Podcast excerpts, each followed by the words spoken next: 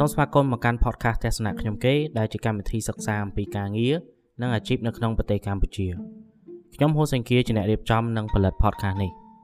មុននឹងចូលដល់ប្រធានបទនៅក្នុងអេពីសូតនេះខ្ញុំមានសំណងពរមួយគឺស្ដាប់ឲ្យចប់ទាំងអស់គ្នា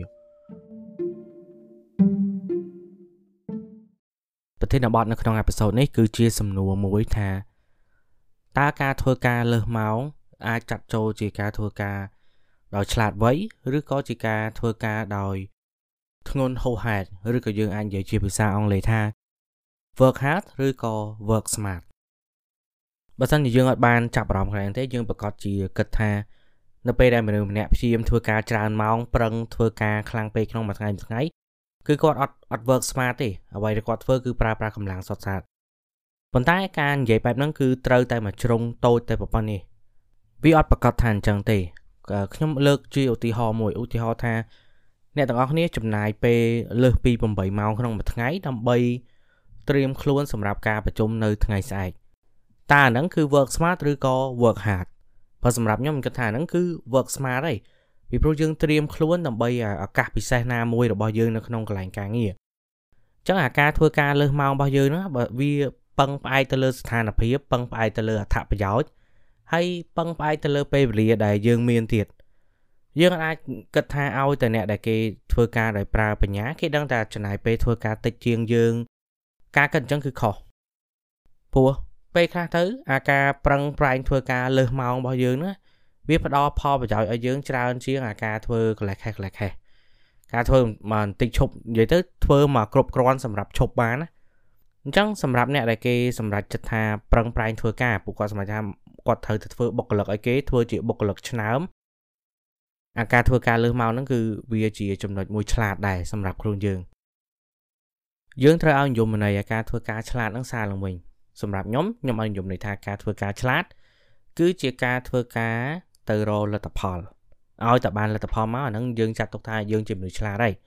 បើសិនជាយើងធ្វើការឲ្យតែបានគ្រប់គ្រប់គ្រប់គ្រប់ ប៉ុន្តែលទ្ធផលដែលទទួលមកហ្នឹងវាអត់សមជាមួយនឹងអ្វីដែលយើងចង់បានទេអាហ្នឹងយើងមិនសូវឆ្លាតទេ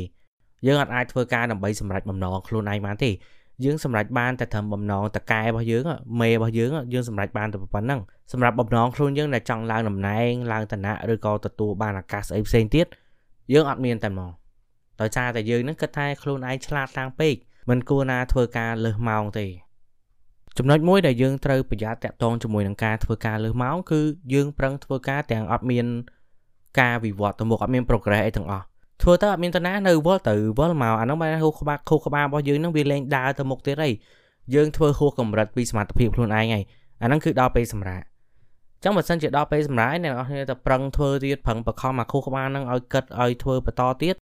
លទ្ធផលចេញមកគឺវាអាក្រក់ជាងឲ្យយើងប្រឹងធ្វើការធម្មតាទៀត អញ្ចឹងបើសិនជាយើងជ្រើសរើសការធ្វើការឆ្លាត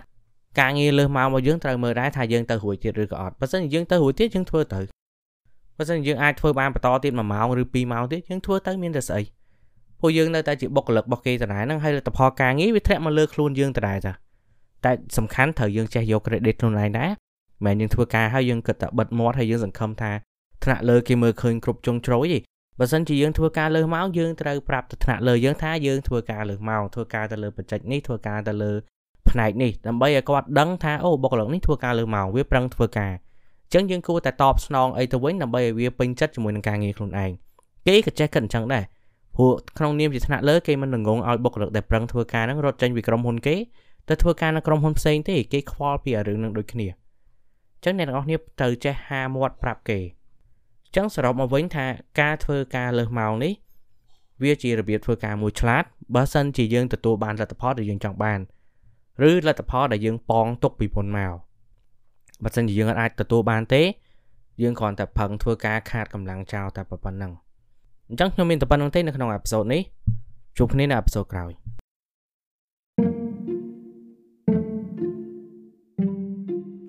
សូមអរគុណសម្រាប់ការចំណាយពេលរបស់អ្នកទាំងអស់គ្នាជាមួយនឹងអេពីសូតនេះកុំភ្លេចចុច Subscribe ឬក៏ Follow podcast នេះដើម្បីទទួលបានអេពីសូតថ្មីៗទៀត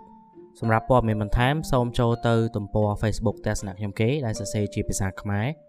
ជួបគ្នានៅអេពីសូតក្រោយអរគុណ thank you